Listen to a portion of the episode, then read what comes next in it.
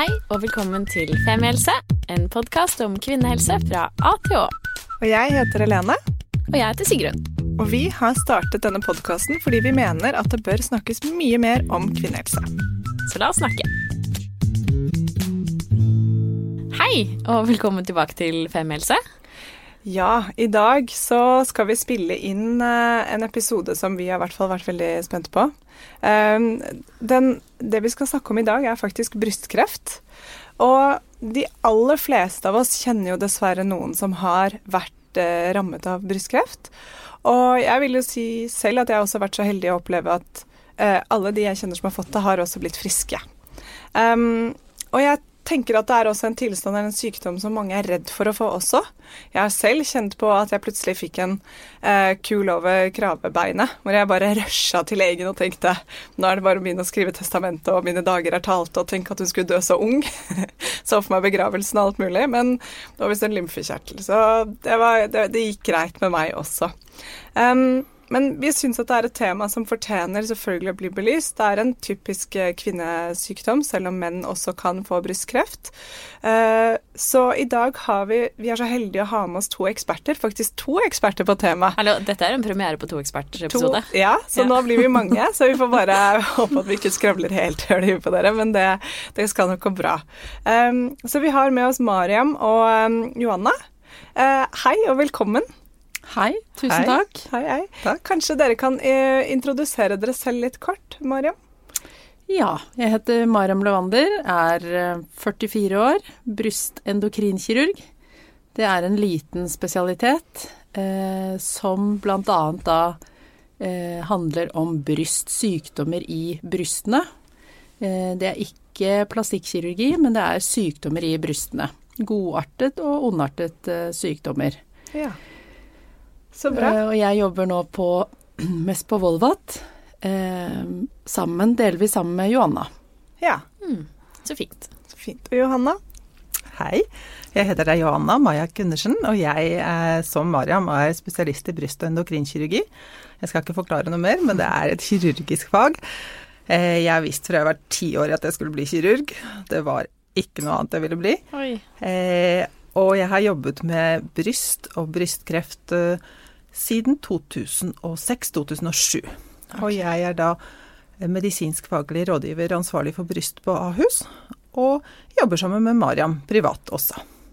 Wow, ok, Dette her føles jo ut som at uh, vi og brystene er i veldig gode hender. Ja. Uh, jeg tror vi skal få svar på alt vi lurer på. fire, De fire hendene våre. De fire hendene. Da er det én til hver pupp her. Det er perfekt. Ja. Så bra. Um, skal vi ikke begynne der vi pleier å begynne? Ja. Hva er egentlig brystkreft? Og da spør du så stort, for at kreft generelt, det tror jeg ikke vi skal gå inn på her. Nei. Men brystkreft Det starter i de kjertlene og de strukturene som er helt typiske for bryst. Altså melkekjertler og melkeganger. Det er det som er spesifikt ikke sant, med brystkreft.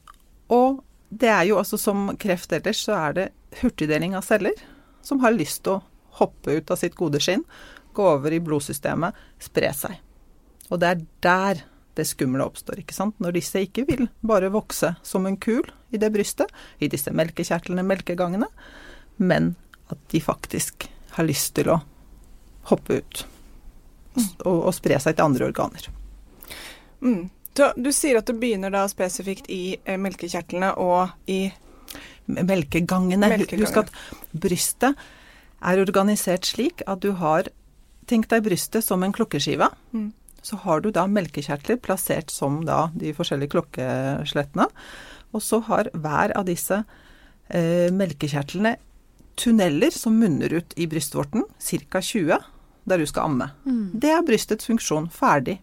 Punktum. Det er, det, det er, de viktige bryst, uh, altså cellene som er spesifikke for brystet. Det fins jo selvfølgelig blodkar fett, bindevev, andre typer vev i brystet. Men brystkreft starter i de spesielle, spesifikke strukturene for brystet.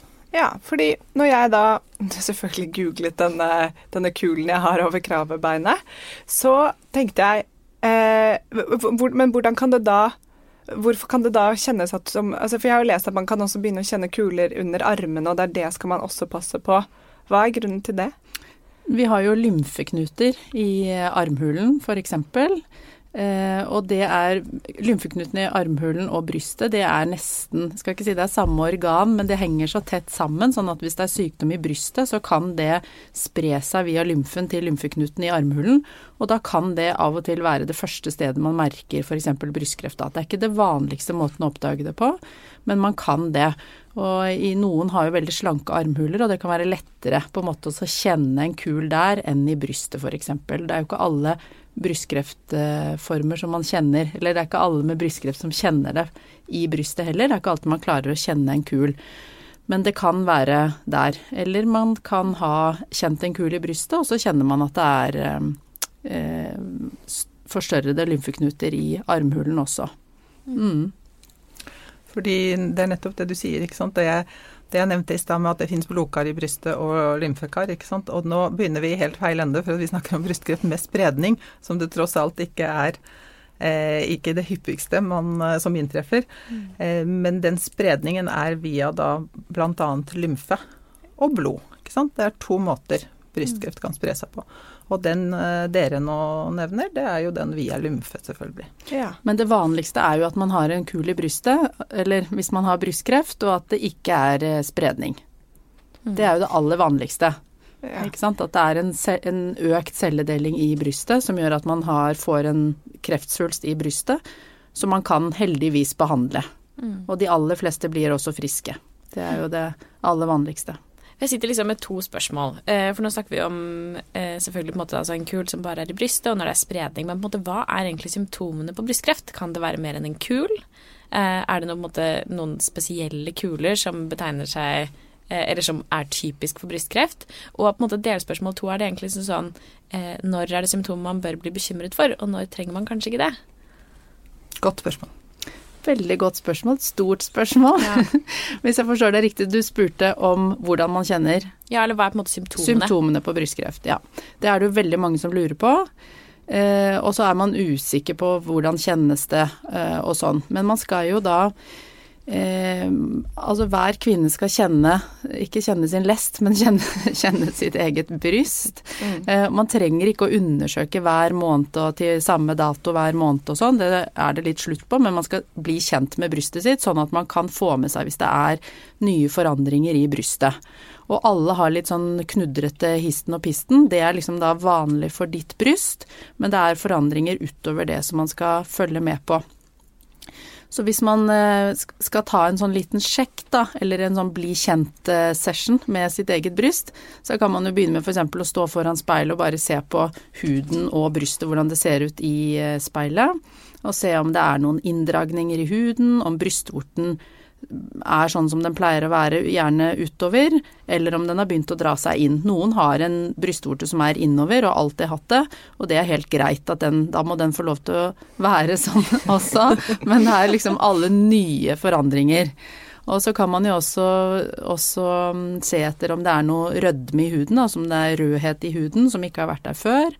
Og så kan man begynne å kjenne litt gjennom brystet, og gjerne liksom behandle brystet som om det er en en, eh, en, klokke, sånn som Johanna beskrev. At uh, man kan gå gjennom og ta Kanskje dele den opp i fire kvadranter, da. Og så ta hver, hver kvadrant og kjenne gjennom den. Og kjenne etter om det er noe kuler, om det er noe unormale funn. Og hvis det er noe man lurer på, så er det bedre å gå en gang for mye til legen enn en gang for lite. For at hvis man kan bare få det avkreftet at det er noe farlig, så vet man at ok, men da er dette utgangspunktet for mitt bryst, og så kan man liksom følge med derfra og framover. Ja, For da er dette mitt normale bryst, på en måte. For det må jo også være noe av målet her. Ja, sånn, her jo, vet jeg at det ikke er noe galt. Ja, og det er jo alle mulige variasjoner. Noen har knudrete bryst, andre har ikke det. Så det, alle er litt forskjellige. Mm. Og så er det det, hvis jeg kan bare skyte inn. Så det er mange som spør også, og det tror jeg kanskje lå også litt i spørsmålet ditt, hvordan kjennes en kreftkul ut? Mm. Og det er akkurat det Mariam sa. Det er helt umulig. Altså jeg kan fortelle deg ok, den er hard, den er kantete, kanskje den sitter fast i hud, sitter fast i um, um, brystveggen. Men det er ikke slik. Alle kuler, alle nyoppdaga kuler, bør undersøkes. Det er det som er viktig, egentlig. Det er det som er budskapet. For der hører man jo litt forskjellige ting. Eller jeg mener iallfall det jeg har hørt litt sånn når vi har snakket om det òg, bare sånn Ja, du må liksom sjekke om den sitter fast eller ikke. Kan du liksom bevege den under huden? Men det er vår jobb. Ja, det, det er, er vår jobb. Ikke ta over vår jobb. okay. det var litt deilig. så jeg syns at det, altså alle skal bare finne ut Hvis man har en ny kul, så ikke, ikke driv liksom detektivarbeidet på egen hånd. Overlat det til de profesjonelle. Ja, og jeg kan også love dere at det er selv de profesjonelle kan ikke stille en diagnose kun ved å kjenne på en kul. Vi bruker røntgen, vi bruker MR, vi bruker mammografi. mammografi. Vi bruker eh, patolog som kikker på cellene, en prøve må tas, og det er eh, ja. Men, men, det er liksom kul man ser etter. Det er ikke sånn at brystkreft ofte f.eks. kommer hånd i hånd med feber, da. Eller andre typer symptomer. Nei. Veldig tett i nesa. nå skjer det. Og, og nå dere er, er inne på noe, fordi at vi hører ofte um, når da kvinnen kommer på kontoret til oss, og da vet vi at uh, vi har funnet ondartede celler, altså kreft. Og så begynner de å fortelle oss ja, men jeg har vondt i kne, jeg har vondt i hodet, jeg har hatt feber, jeg har vært litt snufsete. Da kommer all den redselen fram. Nei, det er veldig, veldig sjelden. Til og med smerte. Ikke sant? De fleste andre krefttyper er jo forbundet med smerte. Smerte kan ikke engang fortelle deg at, har, at det er brystkreft. Nei. Så, øh, men er det ofte sånn at man Eh, er det den vanligste måten å finne ut av at man har brystkreft, at man oppdager en, en, kul? Eller er det at man går på mammografi fordi man har blitt kalt inn på en sjekk, eller hva Ja. Ja, og da er det sånn 70 Dette er statistikk. Mm. bare sånn at 70% av brystkreftene oppdages av kvinnen selv eller partneren. Ca. 25% ved mammografi den screeningen dere vet som kvinnen over 50, mm. eller når man er 50 i Norge, så blir man invitert, heter det, til en screening der man kan gå og eh, få mammografi annethvert år. 25% og så er det da de siste 5 er litt ymse ved sykehjemslege, type ja, sykepleier, fastlege. Ja. Andre ting. Andre ting. Ja. ja. Men 70% er det faktisk kvinnen selv. Oi, det er så mye ansvar. Ja, det, det er mye. Men da, ja, da, er det jo så fint da, at, vi, at, man, at man er obs på dette og følger med selv og, og tar det ansvaret. Når bør man begynne å sjekke selv? Alltid? Jeg syns eh, alle voksne kvinner bør kjenne brystet sitt, eh, men man skal ikke bli fanatisk, og man skal ikke stresse seg, på en måte. Men jeg syns eh, alle ja, det, det, skader aldri. Men det er klart at, eh, at eh, det, det, er viktigst når man begynner å bli eh, fra 40 og oppover. Men jeg syns også alle kvinner som er yngre også, bør kjenne sitt eget bryst. For man kan ha godartede kuler også som skal følges opp eller undersøkes. Mm. Altså, jeg kan jo dele, da, at uh, da jeg fant denne kulen uh, over kragebenet, så ble jeg jo redd. Og så uh, Da hadde vi akkurat sett på at Sigrid Bonde Tusvik fikk undersøkelse nede på Aker Brygge, på God morgen Norge, hvor hun får den, og man ser hvordan man skal gjøre det og liksom, rundt på hele brystet, og den var veldig fin, den kan vi dele. Um, men i hvert fall, så da eh, inviterte jeg, som det kan hete, kjæresten min til å, å gjøre den på meg. Noe han gladelig tok imot invitasjonen til. Så raust. Det er bra ja, arbeidsfordeling. Han er så utrolig ja, lett å be. Har, har han bedt om det siden, eller? Veldig Skal vi sjekke, eller? Vi må sjekke minst en gang i uka, sier han. Men eh, litt sånn, eh, selv om det var litt sånn tullete, men allikevel så var det veldig fint, da. Fordi jeg kjenner jo mitt bryst, men han gjorde det veldig nøye. Nei, men han, da gikk vi gjennom sånn som jeg hadde sett det, og, og sjekket, og han så, og jeg løftet opp armene om det var noe forskjell på dem. Og så tenker jeg at uh, vi har jo planlagt og, og planer om å være sammen lenge, og da kan han også være med å følge litt med på om han ser plutselig noen endringer, da. Jeg vil helst ikke ha den. Lurer på om de henger litt mer nå. har det skjedd en endring. Nå har det skjedd noe her. Nei, men uh, kanskje det også kan være en ting at hvis man har en partner eller en venninne eller hvem det skal være, at man også allierer seg litt, da. Ikke at det skal bli sånn overdreven overvåkning av brystene, men jeg syns i hvert fall det var fint. Jeg syns det hørtes helt supert ut. Mm. Kjempe en hyggelig ting å gjøre. Å gjøre det kan jo være litt vanskelig. Altså, jeg ja. syns i hvert fall det kan være litt vanskelig å kjenne. Ja, og mange menn, mange menn, forteller at det er de som faktisk, eller de kvinnene som kommer med budskap, sier at det er mannen som er mm. partneren som har funnet det. Mm. Men um, det, dere, det du sier ved en venninne, har dere to som leder podkasten kjent på hverandre? bryst? Jeg bare prøver å ikke være så veldig sånn og du må ha kjæreste for at dette skal funke, så jeg legger alltid til. Eller venninner. Eller mor eller tante. Noen du kjenner. Noen du stoler på. Men ja, nei, vi har ikke, vi har ikke utført noe brystsjekk på hverandre. Det har ikke vi heller. Nei. Jeg og Mari. Jeg har det til gode. Ja, jeg har det til gode. Du kan spare det til sommeren. Ja. Men ja, hvis man da, for å ta det litt videre, liksom har kommet til dere, uh, har funnet en kul, den er ondartet, hva skjer da? Det er noe sånn. Da, og da vet noen kvinner De kommer inn på kontoret. For tenk dere situasjonen, for at dette skjer på, som regel i, I noen få tilfeller så skjer det hos fastlegen, i det private sammenhenget, men ofte på sykehuset. Med en gang noen finner en kul, så går man til fastlegen eller privat, og så blir man henvist til sykehus. Hva skjer først? Jo, først får du mammografi, ultralyd. Mammografi er den skumle undersøkelsen Er det som egentlig ikke er så skummel, fordi når man sier at det er vondt, så er det, ikke alle som, det er slett ikke alle som opplever smerte under den. Pluss at dere må huske at det er en person som presser det brystet sammen, og, og, og de stopper når du begynner å hyle, så stopper man. Man presser ikke, du får på død og liv. Kan jeg skyte inn et spørsmål om mammografi som vi fikk av en av lytterne våre, for det passer litt fint inn her. Klar. Kan man ha for små pupper til å få mammografi? Aldri. Til Nei. og med et mannebryst kan mammograferes, og ja. Ok. Kan man ha for store er pupper? Enkelt svar. Eh, heller ikke det. Nei. Ok, greit. Er det dumt å ha silikon? Eh, nei, nå skyter hun mange spørsmål, så jeg kunne snakket om mye.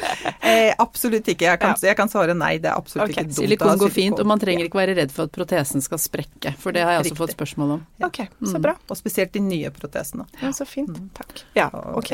Så man tar Skal vi tilbake til Ja, Ja, takk. til den, det, det heter trippelundersøkelse egentlig, fordi der har du både radiolog ikke sant, med ultralyd. Ultralyd er en uh, lydbølger, en maskin som kjøres med gel over. Det er ikke vondt i det hele tatt. Det hører med. Og så samtidig så vil man gjerne ta en prøve av dette. Og da tar man en ganske tynn nål, noen ganger med bedøvelse. Eh, og så sender man den lille, lille, lille vevssylinderen til patologen, som eh, vil da undersøke det i mikroskopet. Og kan fortelle er det kreft, er det ikke kreft. Kan det være noe godartet kul, som Mariam sa. Det finnes også veldig mange godartede kuler som vi finner. Men la oss si at eh, vedkommende patolog sier nei, dette er kreft, kreftceller.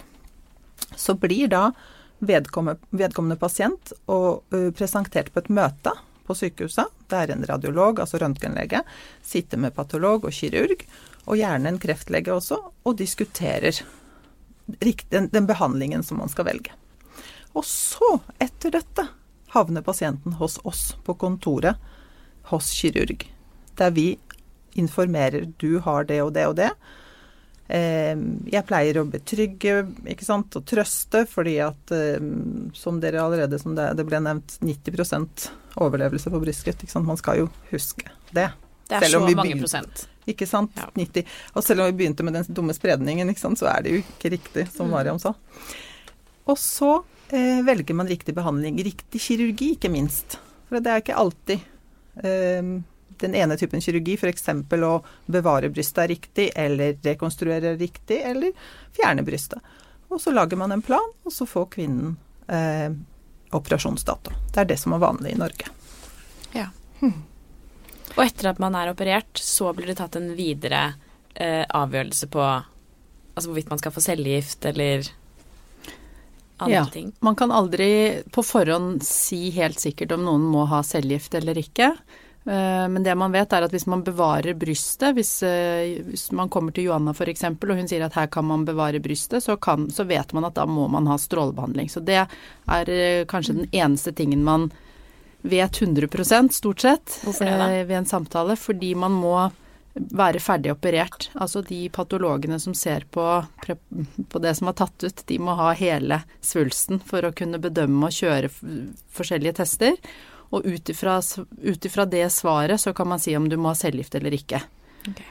Og da følger man eh, retningslinjer som er likt i hele landet, sånn at det skal være likt egentlig om du kommer, hvilket sykehus du kommer i Norge. Så det er helt sånn standardisert stort sett eh, hvilken behandling man skal ha etterpå.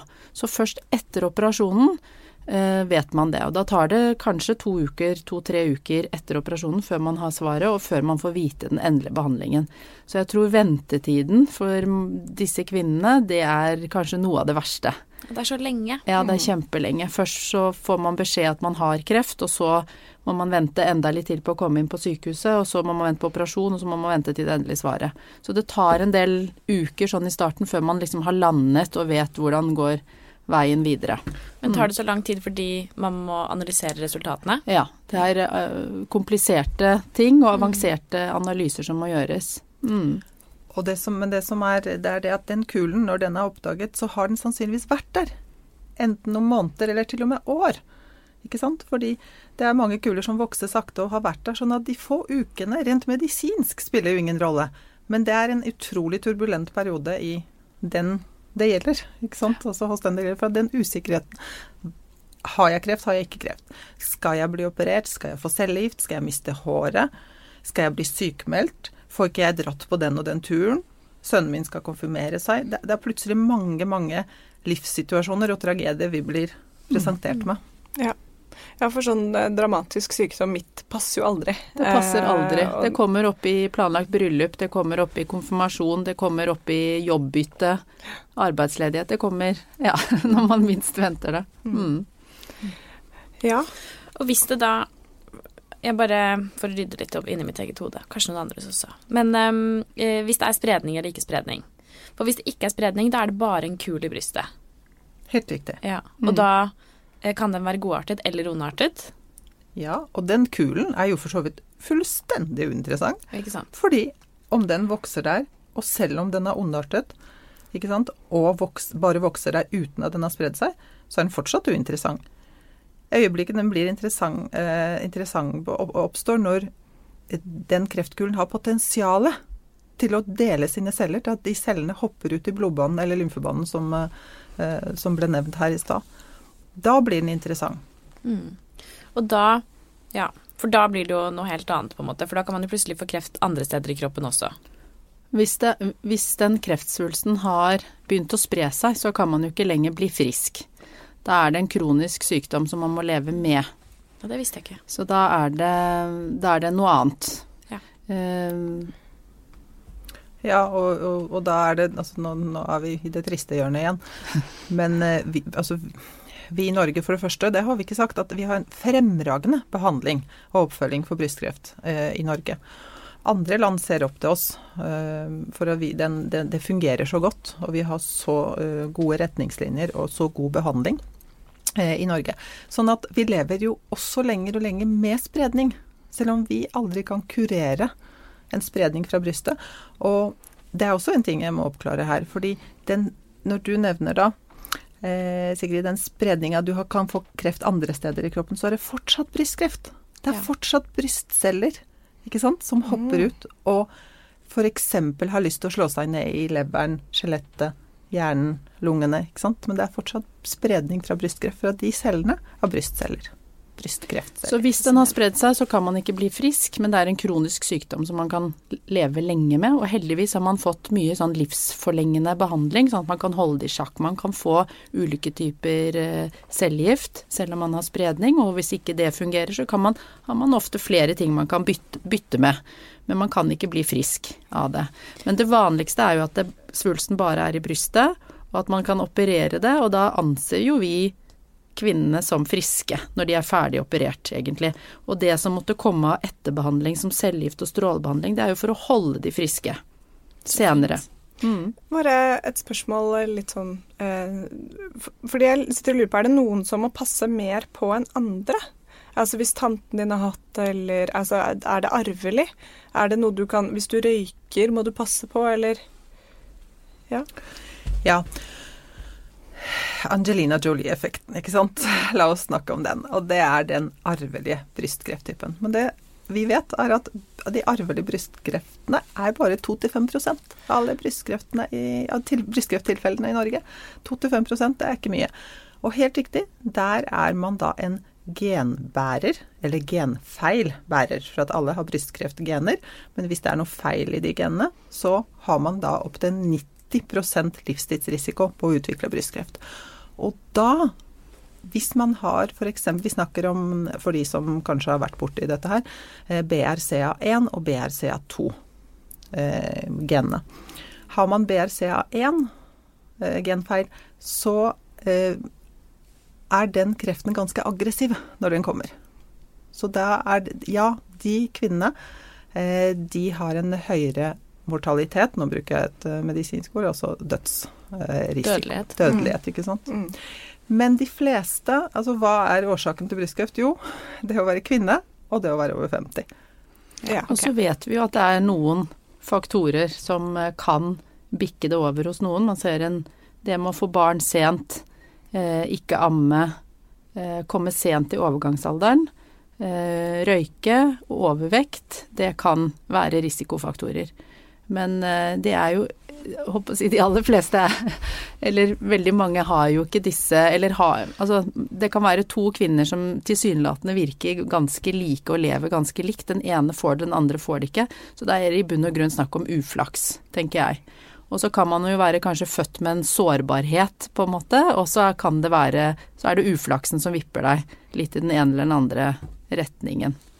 Så man skal jo aldri føle på at man har levd dårlig, eller at man er selvforskyldt. Man kunne gjort noe annerledes for ikke å få kreft. Det er viktig å ikke legge den skylden på seg selv hvis man skulle være uheldig. Det er ren statistikk. Ja. Ja. Ikke Det er så bra. Jeg kjenner sånn, Når vi snakker om dette, så jeg hadde kanskje tenkt at jeg kom til å bli litt bekymret, men det er jeg ikke. Nei, jeg tenker bare at jeg skal hjem og få barn og amme, jeg. Ja, ja det også kjenner jeg litt på, da. Kutt ut partysiggingen. sent, litt sent for deg, for det er før 30. Men jeg har fortsatt noen år på meg. Sigrun, du er vårt håp. Du må føre femmilste videre. Altså, må dere huske Ok. på den brystkreft, altså brystkreftincidensen, ikke sant? det kommer hos hver tiende eller ellevte kvinne. Det er så Så den vil komme uansett om du vil eller ikke, så er det ja. Så får man det, eller får man eh, liksom start på det? Start, altså at man begynner å få kreft? Nei, altså hver tiende eller ellevte kvinne får brystkreft. Ikke sant? Så det var det Får en kul i brystet. Får kul Nei, brystkreft. Ja, ok. Shit, det er mange. Jeg visste ikke at det var så mange. Ja, ok. Jeg har et siste spørsmål, og så kanskje vi skal prøve å oppsummere litt. Og det er egentlig bare sånn, Vi har jo snakket masse om eh, brystkreft her i dag, selvfølgelig, men også sånn i samfunnet, føler jeg. I mange år nå så har det vært masse i media, og mange profiler som har gått ut og snakket om det, og sånn skal du sjekke deg. Har all denne oppmerksomheten, så vidt dere vet, da, bidratt til at flere har oppdaget kuler tidligere? Altså sånn, går dødstallene ned, eller ser vi noen positiv utvikling? Overlevelsen går jo opp. Ja. Fordi man oppdager det tidligere? Fordi man oppdager det tidligere, og fordi man bruker massivt med midler på forskning. Og gode, som Mariam nevnte i stad, flere typer cellegift, immunterapi er det siste. eh, Man eh, forsker på stråling, ikke stråling, ikke sant, kirurgi. Altså man, man eh, forandrer disse retningslinjene og, og fornyer dem hele tiden. To ganger i året faktisk i Norge for å holde nivået. Så ja, det virker. Selv om det virker kanskje litt mye rosa i media til tider. Men det virker. Det er så bra. Ja, det er så bra. Ehm, så bra. Skal vi prøve å oppsummere litt? Ja, la oss gjøre det. Ok, jeg prøver. Vær så god. Um, ja, vi har da Herregud, nå fikk jeg faktisk blackout, jeg. Jeg tror du må gjøre det. Ok, jeg prøver. um, så brystkreft starter da som regel i uh, melkekjertlene og melkekanalene. Eller de, det er der det starter. Ja. Uh, så hvis uh, Og de, de 70 oppdager det selv. 25% oppdager det på, eh, når de er invitert inn på mammografi, og 5% er litt sånn på sykehus eller hva det skulle være. Og i Norge så har vi 90% overlevelsesrate. Og man bør eh, eh, sjekke seg selv og vite liksom hva er min standardpupp, hvordan ser den til vanlig ut, og følge litt med på endringer, men man trenger ikke å sjekke hver eneste syklus eller måned, men noen ganger i året. Og hvis man oppdager en kul eller endring, så bør man bare ta en rolig tur til fastlegen sin og bare sjekke at alt er som det skal. Ja. Imponerende. Im- Veldig, nå ble jeg veldig imponert. Og veldig mye bedre enn meg. Ja, du med blackout. ja, så, Ja, så bra du er god. ja, så fint. Um, takk for denne fine, betryggende praten. Det var eh, ja, skikkelig fint. ja tusen takk. Tusen takk for at vi fikk komme. Ja, og bare hyggelig, og jeg håper dere, eller alle lytterne, lærer noe. Eller, og at det er kanskje litt lettere å ta det opp og snakke om det. Ja. Og stille spørsmål. Det Det er det også. vi vil. Ja. Still spørsmål, snakk sammen. Ja. Ha det bra! Ha det! Tusen takk for at du hørte på podkasten vår. Selv om det forhåpentligvis kommer tydelig frem, så vil vi understreke at vi ikke er helsepersonell. Ja, så som vanlig, kontakt legen din om du har noen spørsmål, eller om du skal begynne på noen form for behandling. Og har du et tema som du har lyst til at vi skal snakke om, eller noe ris eller ros, så send oss gjerne en melding på Facebook eller på Instagram. Der finner du oss under Femihelse. Mm. Og du kan gjerne rate oss på iTunes, det er skikkelig hyggelig for oss. Ha en fin dag. Ha en kjempefin dag.